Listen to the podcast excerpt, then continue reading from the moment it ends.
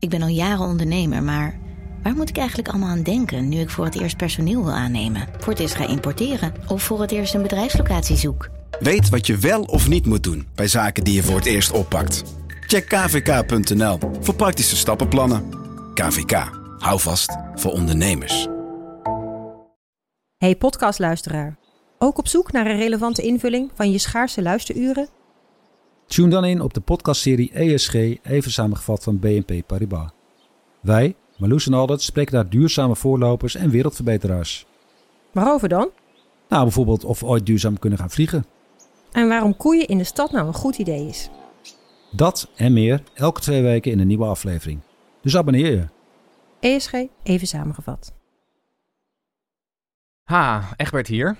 Het is zaterdag, dus even geen nieuwe NRC vandaag. Maar er is wel iets anders wat we je graag willen laten horen.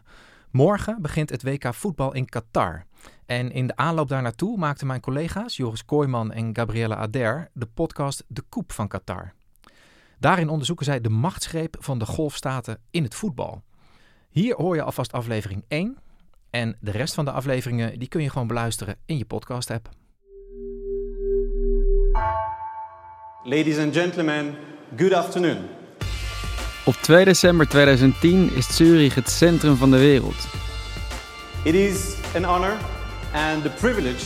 De vijf sterrenhotels van de stad zijn volgeboekt met beroemdheden, zoals prinsen en prinsessen, staatshoofden, regeringsleiders en fotomodellen. 2022 FIFA World Cup. Ze zijn naar Zwitserland gereisd om indruk te maken.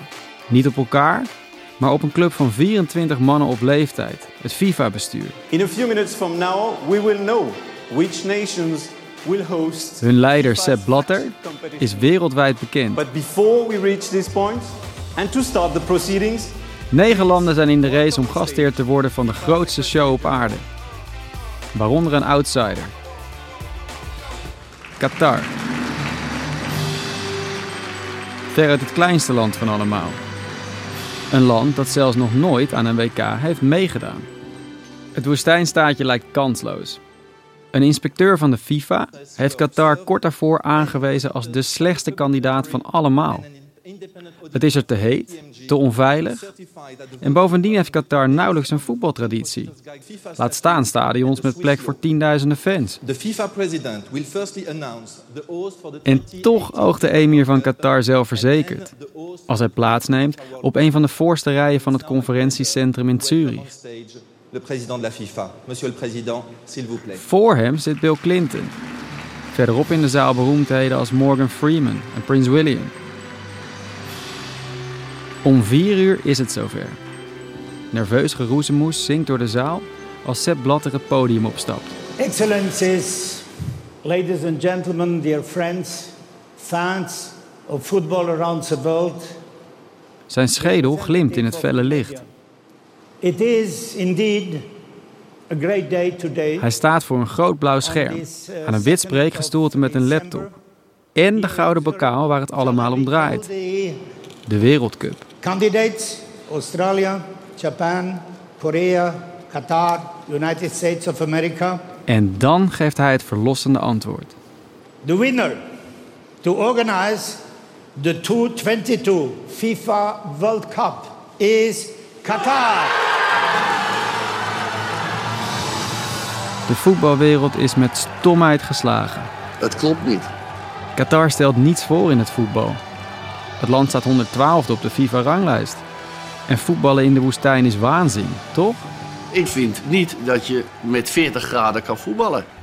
En ik ben wel degene die dat blijft zeggen, dat het eh, belachelijk is. Want volgens mij gaat het altijd één om eh, eh, de spelers. En het voetbal, het spelletje. En twee pas om al die andere dingen. Maar door al die andere dingen is Qatar inmiddels uitgegroeid tot een van de machtigste landen in het mondiale voetbal. Op de voet gevolgd door buurlanden Saoedi-Arabië en de Verenigde Arabische Emiraten. Hoe is dat mogelijk?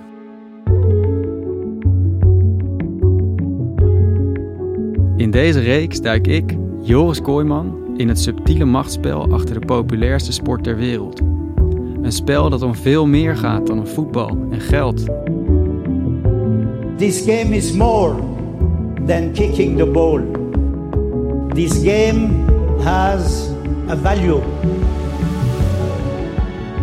Ik onderzoek de machtsgreep van de golfstaten in het voetbal. Wat willen die regimes bereiken? Wat moeten voetbalfans zoals ik ermee? En vooral, wie dragen de consequenties? Dit is de Koep van Qatar. Aflevering 1.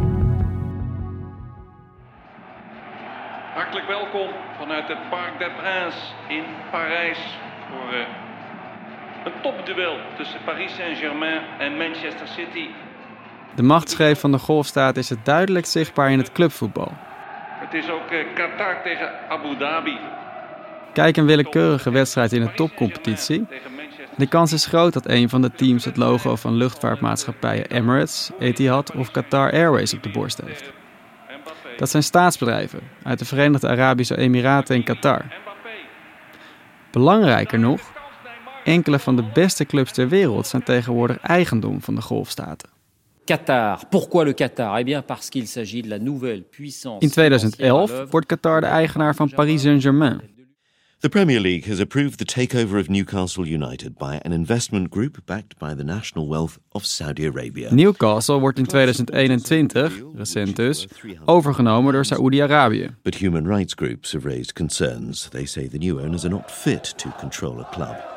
We just want that magic again and the happiness for the crowd and the supporters. They need it.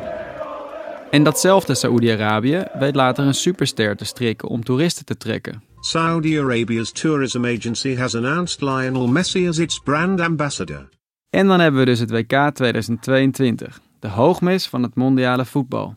Dat vindt straks plaats in Qatar. Het is een WK dat zwaar onder vuur ligt vanwege mensenrechten schendingen en slechte arbeidsomstandigheden. In a shocking revelation, reports suggest that more than 6,500 migrant workers from India, Pakistan, Nepal, Bangladesh, and Sri Lanka have died in Qatar since it won the right to host the World Cup 10 years ago. Maar toch gaat dat WK door. Wat moet ik als voetbalfan daarmee? Natuurlijk, clubeigenaren met een omstreden reputatie zijn niets nieuws in het voetbal. En toch is er met de entree van investeerders uit de golfregio iets wezenlijks veranderd.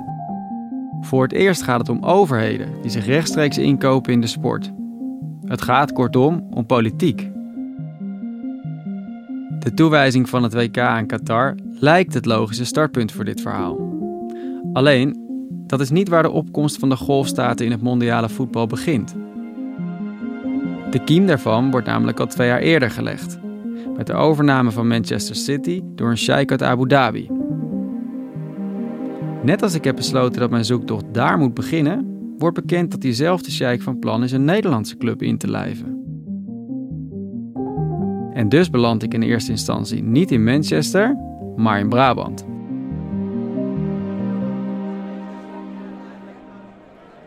Het is een vrijdagavond in het NAC-stadion in Breda. We staan in vak G achter het doel, tussen de fanatieke fans. Niemand zit ook maar een seconde stil. Dit is magisch hoor. Wat er op het veld gebeurt, dat is één ding toch? Dat is bij heel veel clubs is dat uh, vaak het belangrijkste. Zal er bij ons ook moeten zijn. Is het al jaren niet. Uh, maar daardoor komt er heel veel kleur in zo'n uh, in zo'n gemeenschapje. En dat maakt het voor mij wel bijzonder. Wij zijn altijd blij, er wordt altijd gezongen gedaan. Terwijl het voetbal 9 van de 10 keer niet om aan te zien is. En dan, uh, ik vind, ja, het is hier gewoon altijd leuk. NAC is een kleine club, maar wel een met een grote achterban. En heel trouwe supporters. Ik denk uh, vaker aan NAC dan aan willekeurig welk ander onderwerp in mijn leven. En dat klinkt uh, soms, denk ik als ik dit zeg, en dit is ergens heel sneu, maar dat is het niet. Dit is Levine den Boer. Hij is al zijn hele leven fan van NAC Breda. 39 jaar, uh, geboren en getogen Bredanaar. Uh, ga sinds mijn vierde naar NAC. Nou ja, dan kan je uitrekenen hoe lang ik al naar het voetballen ga. Uh, mijn vader zat vroeger in de gemeenteraad in Breda. En vanuit de gemeenteraad waren er wat stoelen beschikbaar. En mocht ik mee een keer met mijn vader. En ik denk dat de eerste club waar je naartoe gaat, is de club waar je uiteindelijk je hart aan verliest. En dat, dat kan je niet kiezen. ik ook, ik werd meegenomen als mijn vader mee, mee had genomen naar PSV of Feyenoord denk ik dat mijn leven een stuk eenvoudiger was geweest.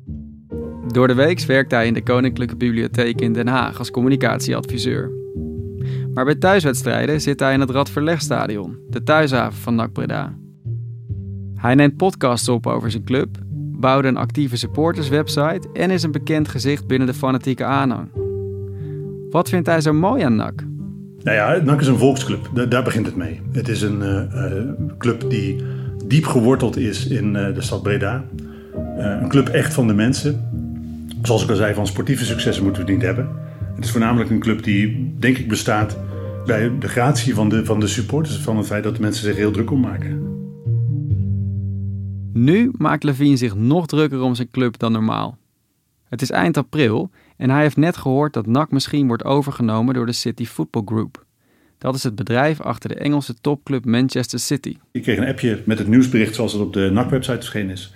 Dat er een akkoord bereikt was eh, met eh, Manchester City en dat eh, de aandeelhouders voornemens waren om de club aan de City Football Group te verkopen. En wat dacht je toen? uh, ja, je, je, je, voelt je in eerste instantie enorm voorgelogen.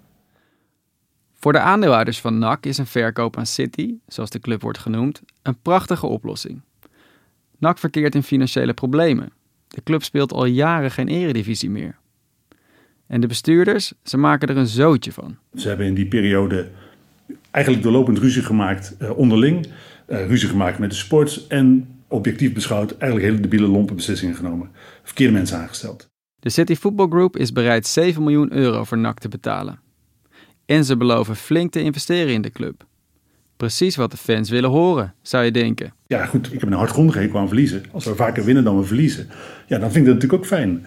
En toch is Levine, net als veel van zijn medesupporters, fel tegen de overname door City.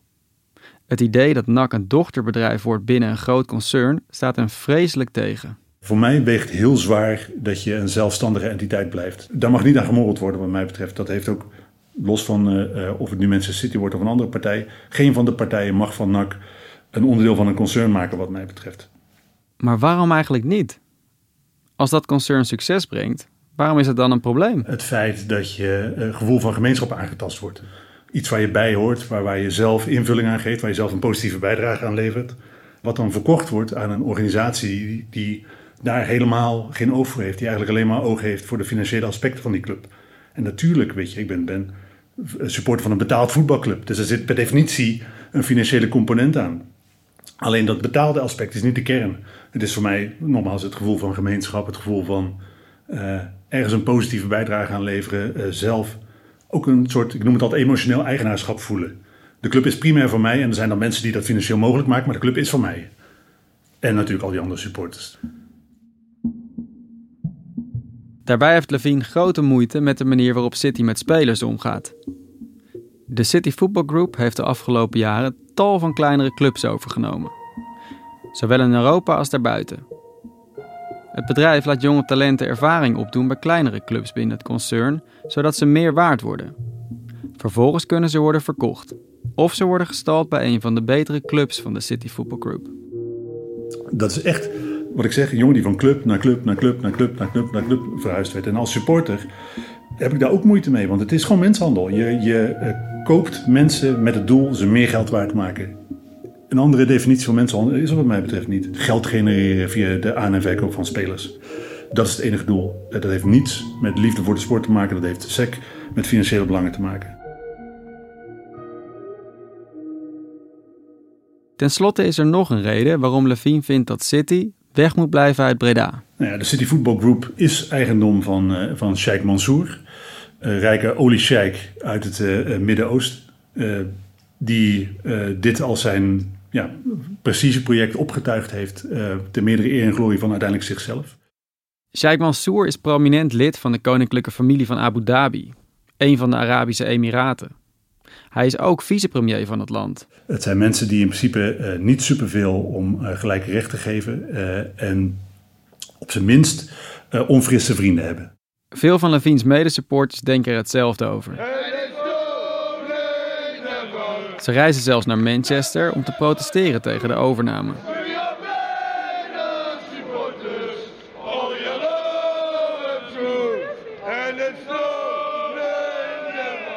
De overname zit in de laatste fase. Er is zelfs al een overeenkomst tussen de aandeelhouders in de City Football Group. De fans hebben hun laatste hoop gevestigd op een stichting, Stichting NOAD. Hier zitten vier vertegenwoordigers in van NAC, van onder andere de supporters. Zij beschermen de identiteit van de club. Zeggen zij nee, dan gaat de deal niet door. Maar wat als het wel doorgaat? Vraag ik Levine. Dan ga ik niet meer. Uh, zo simpel is het. Dat, dan, dan ga ik niet meer. Dan, ik, ik ben een, een principieel mens. Op het moment dat ik dan de hele week door probeer een goed mens te zijn, maar me in het weekend laten entertainen door een partij die uh, met fout geld door foute mensen uh, mogelijk gemaakt wordt. En waar mensenhandel een van de kernactiviteiten van de organisatie is. Ja, dan, dan zou ik mezelf niet recht in de spiegel aan kunnen kijken. Dus op het moment dat Manchester City de boel overneemt, dan ga ik gewoon niet meer. Ik snap hoe Levine zich voelt. Ik werk op de sportredactie van NRC en ben dus professioneel met de sport bezig. Maar ik ben eerst en vooral voetballiefhebber. De sport waarmee ik ben opgegroeid. Net als veel van mijn collega's, zoals Enzo van Steenbergen. We hadden een pleintje achter ons, uh, achter ons huis en uh, daar voetbalden we altijd. En ik dan in uh, volledige PSV-tenue. Shirtje, broekje, sokken. Veel te groot waarschijnlijk. Ja, ja, ja, in het begin wel. We hadden niet zoveel, uh, hoewel we heel erg voor Ajax waren, was het niet zo dat we standaard in Ajax-tenues rondliepen. We mochten er ook niet in naar school bijvoorbeeld. Dat mocht ik ook niet. Vond ik vroeger verschrikkelijk, nu begrijp ik het iets beter. Um, maar mijn vader ging eens per jaar naar Rome.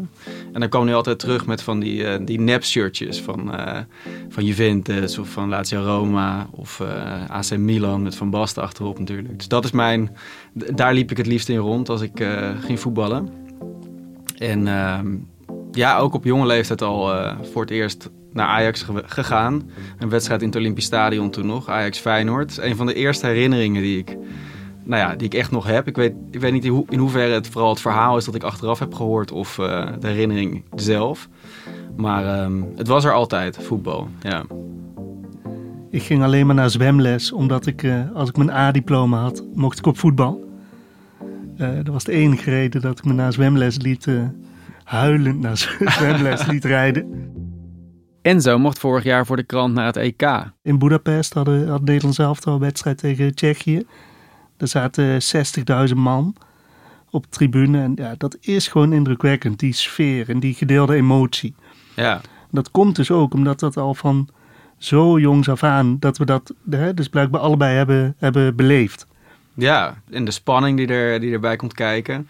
Ik heb uh, samen met mijn vader dan 20 jaar seizoenkaart van PSV gehad. Nou ja, dan maak je bijna een heel leven samen door. Hè? Van, van de jongen van acht die ik was toen we voor het eerst gingen tot de uh, vader met een jonge zoon. Die, uh, die ik was toen we voor het laatst gingen samen. Ja, die clubliefde, dat, dat is heel herkenbaar. En dat heeft natuurlijk iets heel moois. Hè? Vooral omdat je het, omdat je het deelt met, met je broer of met je moeder, met je vader. Omdat het iets is voor je gevoel dat bij jullie hoort, dat van jullie is. En die momenten van succes die je samen beleeft, die, nou, die kunnen je dus heel diep raken. Maar ja, tegelijkertijd maakt dat je ook wel heel kwetsbaar, denk ik. Ja. Uh, juist omdat die liefde zo onvoorwaardelijk is. En omdat je het gevoel hebt dat het in zekere zin een beetje van jou is. Ja. Maar die sport en die club is natuurlijk niet van jou uiteindelijk. Hè? Er, zijn, er zijn allerlei mensen, sponsors, eigenaren die, die willen iets met die club. En die willen misschien ook wel iets van jou. Ja, en ik ben dus benieuwd eigenlijk als je nou eens gaat kijken... in Parijs, in Newcastle, uh, in Qatar... Wat willen die landen nou precies? Willen ze wel iets van uh, voetbalsupporters of is er een hoger doel? Nou ja, als je zo uh, onvoorwaardelijk om zo'n club geeft, dan is dat ook wel een risico dat je een beetje speelbal wordt hè, van die belangen. Ja. Als liefhebbers houden we van die emotie, de bijna kinderlijke liefde voor een club. Als journalisten verdiepen we ons in de wereld achter die emoties van het voetbal de belangen, het geld, de politiek. En hoe meer ik me in die wereld verdiep, hoe moeilijker ik het vind om nog op te gaan in het spelletje. Voor wat en vooral voor wie sta ik te juichen? En dat is precies waar Levine zich ook druk om maakt. Hij is kritisch over de City Football Group, maar ook over de eigenaar. Sheikh Mansour profileert zich graag als amabele businessman. Hij heeft een jeugdige uitstraling met zijn tengere gestalte en brede lach. Maar hij is eerst en vooral een machtige sheik. En een van de belangrijkste politici uit de Verenigde Arabische Emiraten.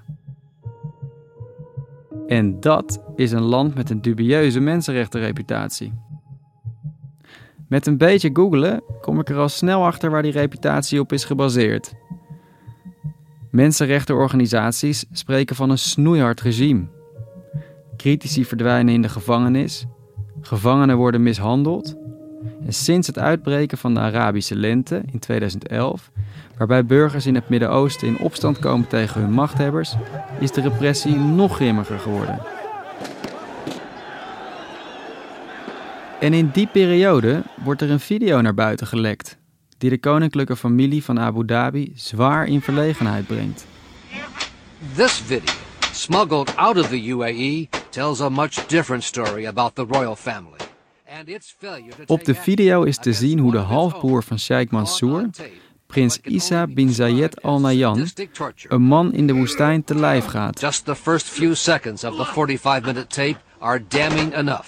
And it gets worse. Terwijl de man wordt vastgehouden door handlangers, krijgt hij zand in zijn mond gestopt. The victim has his legs tied. As sand is shoved into the victim's mouth. Hij wordt geslagen met een houten plank waar spijkers uitsteken. Geëlectrocuteerd en overreden door een SUV. The sheikh points to a board with a nail protruding and then begins to beat him again and again. There are worse scenes so horrific we can't show them on television. Wereldleiders reageren vol afschuw op de video. Maar verder gebeurt er niets. Prins Isa moet wel voor de rechtbank verschijnen, maar hij wordt niet veroordeeld. Volgens de rechter in Abu Dhabi is prins Isa niet toerekeningsvatbaar. Hij zou zijn volgestopt met verdovende middelen. Dit gebeurt allemaal vlak nadat Sheikh Mansour Manchester City heeft overgenomen. Een vertegenwoordiger van een regime met zo'n reputatie. Ik zou me daar als City-fan flink ongemakkelijk over voelen. Hoe kijken zij daarnaar? Ik reis af naar Engeland om het de fans zelf te vragen. In de pub de Waldorf in Manchester flikkeren meerdere televisieschermen. Fans van voetbalclub Manchester City spoelen hun gepaneerde vis weg met halve liters bier. En ze staren onafgebroken naar het scherm.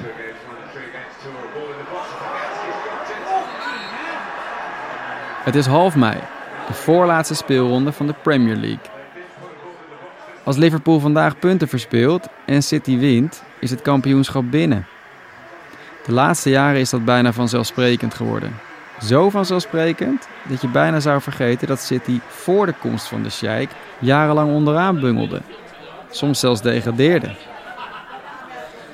Stanley Vegas grinnikt als hij denkt aan hoe slecht zijn club er toen voor stond. And in what state was the, the football club when they took over? when they took over.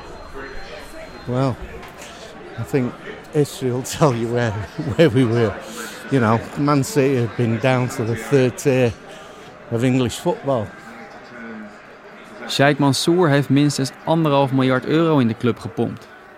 Inmiddels spelen de beste spelers ter wereld in Manchester.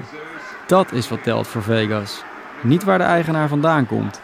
Well, I've got no problem with the fact that the owners are now from the Middle East. I don't know if, if that's what you mean, but no, I haven't got any problem with that at all.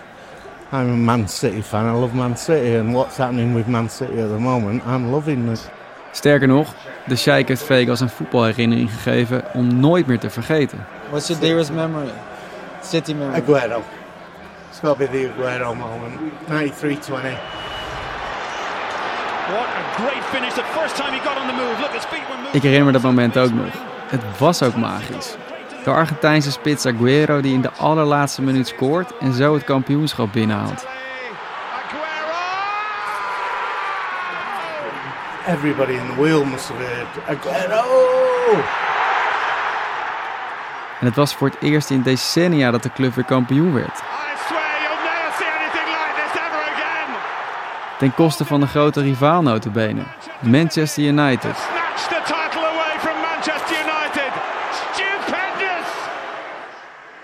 Hij zucht een beetje als ik hem vraag of de reputatie van Abu Dhabi op het gebied van mensenrechten hem stoort. But Abu Dhabi and Dubai and that, they're not as bad as Saudi Arabia, for instance. Ergens begrijp ik Vegas ook wel. Eindelijk kan hij genieten van het succes van zijn club. Hij wil natuurlijk niet dat het in verband wordt gebracht met wat daar verderop in Abu Dhabi gebeurt. Andere fans in de pub die middag vertellen me hetzelfde. Zo is er Ian Morris, een twintiger in zwarte skinny jeans die met zijn vriendin naar de wedstrijd komt kijken. How do you feel about the uh, the ownership of Manchester City? I think it's fantastic. My granddad grew up supporting them, so there's no way I could have ever supported anyone else. So yeah, generational City fan. So I can't really ever lose that love for City because of that.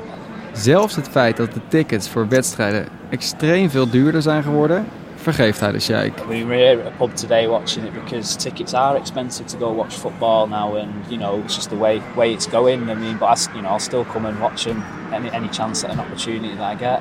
Yeah. Ik vraag hem naar Sheikh Mansour. Heeft hij er moeite mee dat die zijn club heeft overgenomen? In a way, yeah. Because obviously, when you grow in, I mean, when Abu Dhabi took over City, I was only about 11 or 12 at the time. So, you, I mean, you just think, wow, your football club's being taken over, and you're not really self aware of anything that happens outside of the game of football. But then as you get older, you see yourself get taken advantage of, whether it's from a boss or um, someone that you work with, and then you see that on a, on a grander scale, then you think, wow, actually, this is wrong. But yeah, Ian heeft dus wel het gevoel dat de eigenaren van City gebruik van hem maken, van fans zoals hij. Maar op welke manier dan? probably how they're perceived possibly to the rest of the footballing community. I know that they have issues over that side of the world that are a bit controversial. So maybe doing something like that here, we maybe forget less about them sort of things. Ian vermoedt dat Sheikh Mansour met City de aandacht wil afleiden van misstanden in zijn land. Doet dat inzicht iets met zijn liefde voor de club? I mean, it's never going to make me stop loving City because that's something that I've grown up with. Dus zelfs fans als Ian, die vraagtekens zetten bij de motieven van de clubeigenaren, zijn enthousiast over de komst van de Sheikh.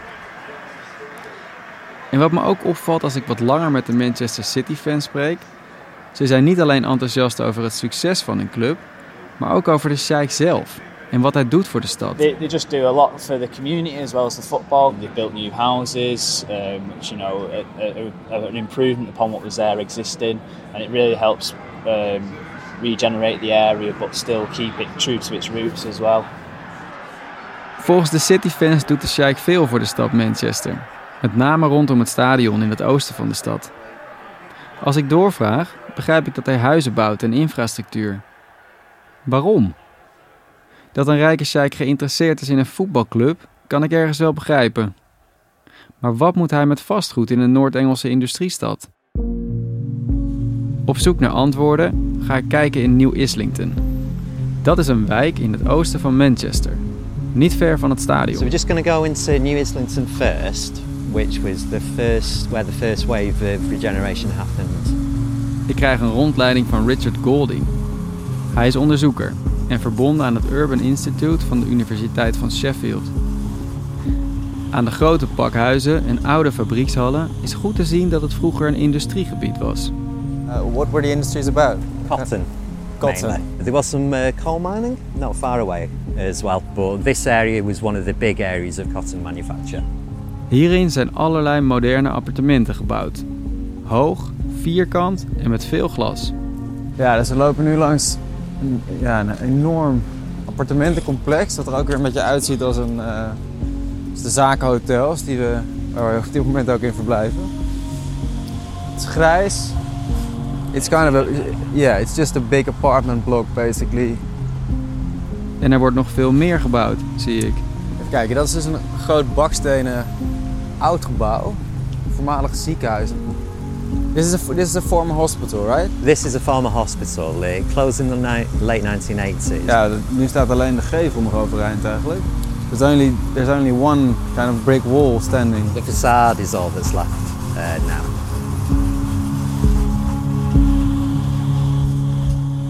Sinds de overname van de club heeft de Sheikh allerlei dure luxe appartementen laten bouwen. Het voorheen verpauperde deel van de stad. Inside, a lot of new developments in a minute do have things like a concierge service, uh, gyms, cinemas, workspace.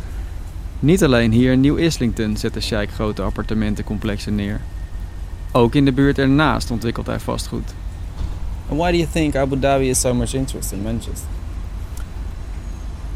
Partly it might just be just another way to make some money. So a lot of policymakers in uh, oil producing states in the Middle East, uh, you know, they're well aware that oil revenues aren't going to last forever. They're looking for ways to branch out.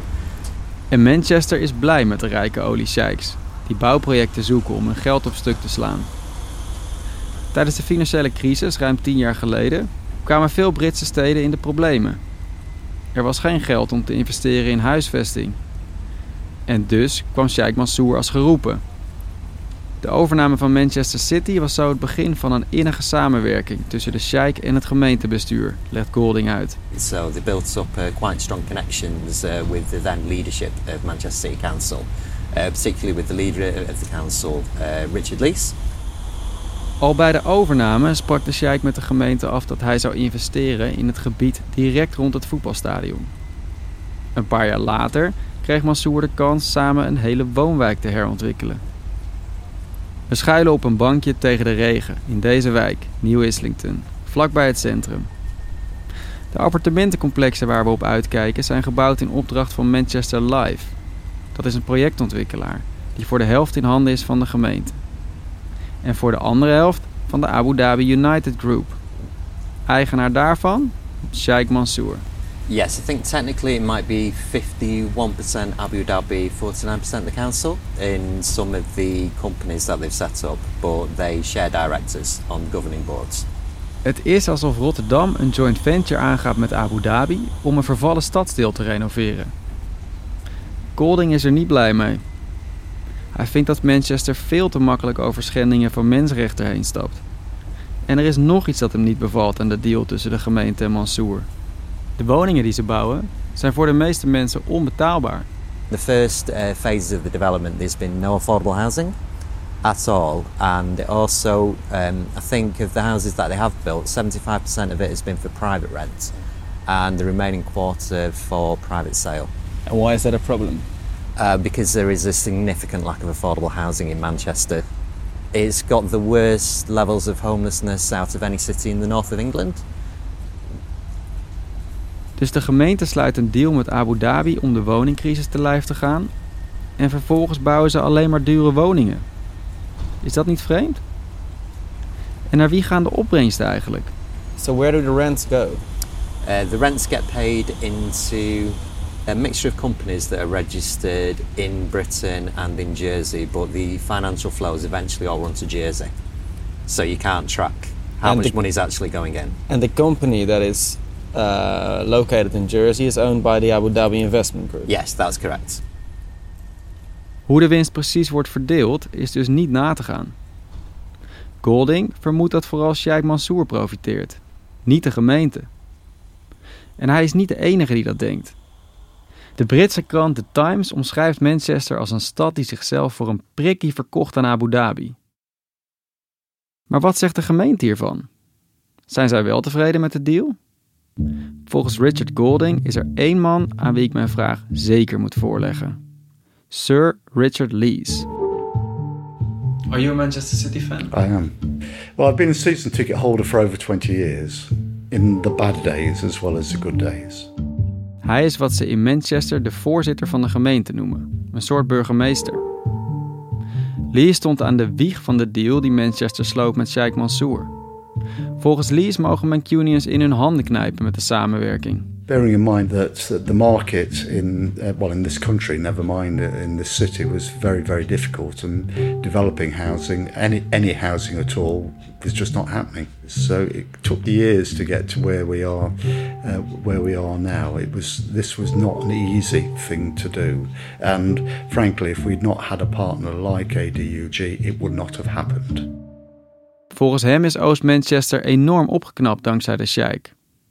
Hij is het niet eens met onderzoeker Richard Golding dat de stad te weinig doet aan de woningnood. The criticism that's come from uh, uh, some sources, uh, I think, really doesn't look at the total picture of housing, not least because over the period of time we're talking about, compared to our neighbours, for example, Manchester has been building more affordable housing than anywhere else. It's just not enough.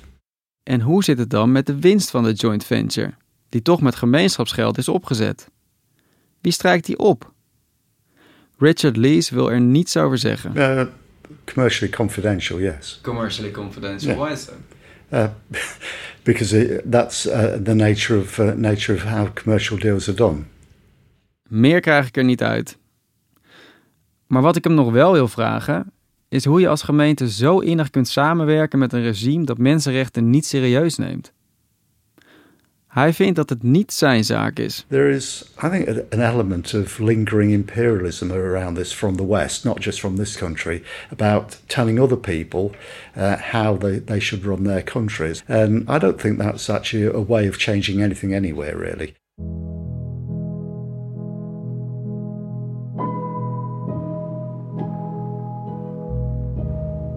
Het doet me denken aan wat ik in de pub heb gehoord. Voor politici en voetbalfans in Manchester, die van City althans, is Sheikh Mansour een weldoener. Hij is een held. Hij is de man die van City misschien wel de beste club ter wereld heeft gemaakt. En hij heeft hele stadswijken van de verpaupering gered, vinden ze. Dat is wat telt. Repressie, mensenrechten schendingen, dat is allemaal ver weg. De Britse onderzoeker Golding is een uitzondering met zijn kritiek. En als we kijken naar Nederland. Wordt Mansour straks ook de held van Breda? Of krijgt NAC-supporter Levine zijn zin? Ruim een week nadat ik Levine heb gesproken, krijg ik een berichtje van hem. Ik ben een blij NAC-supporter, appt hij. Ik bel hem de dag erna op. Goedemorgen Joris. Hey Levine, vertel eens, wat is er gebeurd? Nou ja, wat er natuurlijk gebeurd is, is dat gisteravond de beslissing genomen is om eh, het voorstel van eh, City af te keuren. Stichting NOAD, cultuurbewakers die het gouden aandeel in handen hebben. Zij hebben aan hun, eh, hun toetsstenen getoetst en zijn tot de conclusie gekomen dat de verkoop aan City niet de juiste keuze voor de toekomst van de club is. Oké, en hebben jullie het al samen gevierd? Of hoe gaat het in NAC-kringen? Nou, ik moet zeggen dat ik gisteren stiekem toch wel een traantje weggepinkt heb. Ik merkte dat het me toch best wel veel deed de afgelopen periode. Die spanning kwam er gisteravond wel een beetje uit.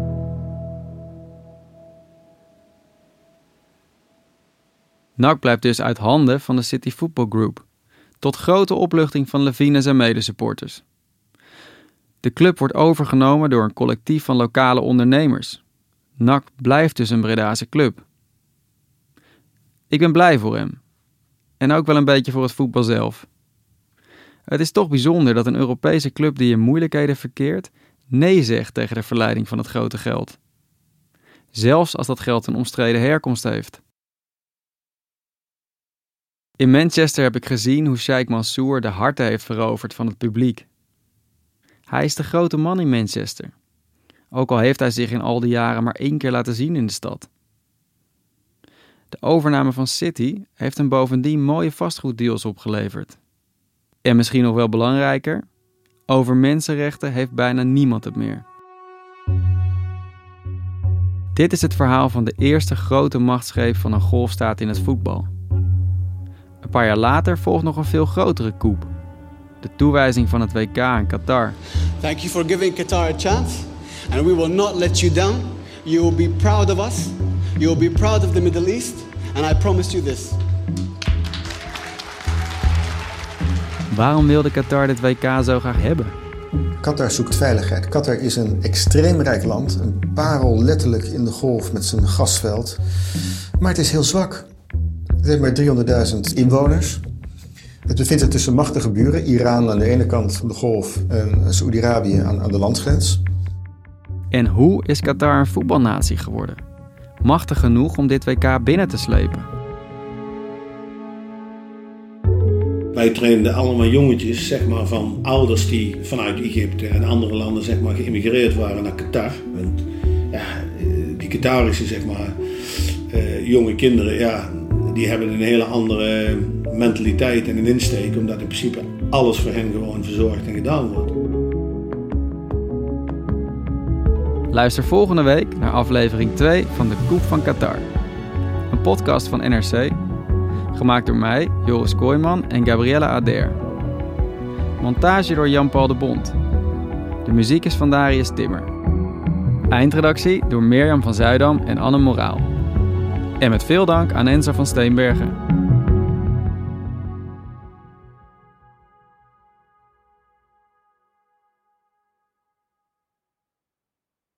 Technologie lijkt tegenwoordig het antwoord op iedere uitdaging. Bij PwC zien we dit anders. Als we de potentie van technologie willen benutten, kunnen we niet zonder een menselijk perspectief. Human-led, tech-powered noemen we dat. Ga naar pwc.nl.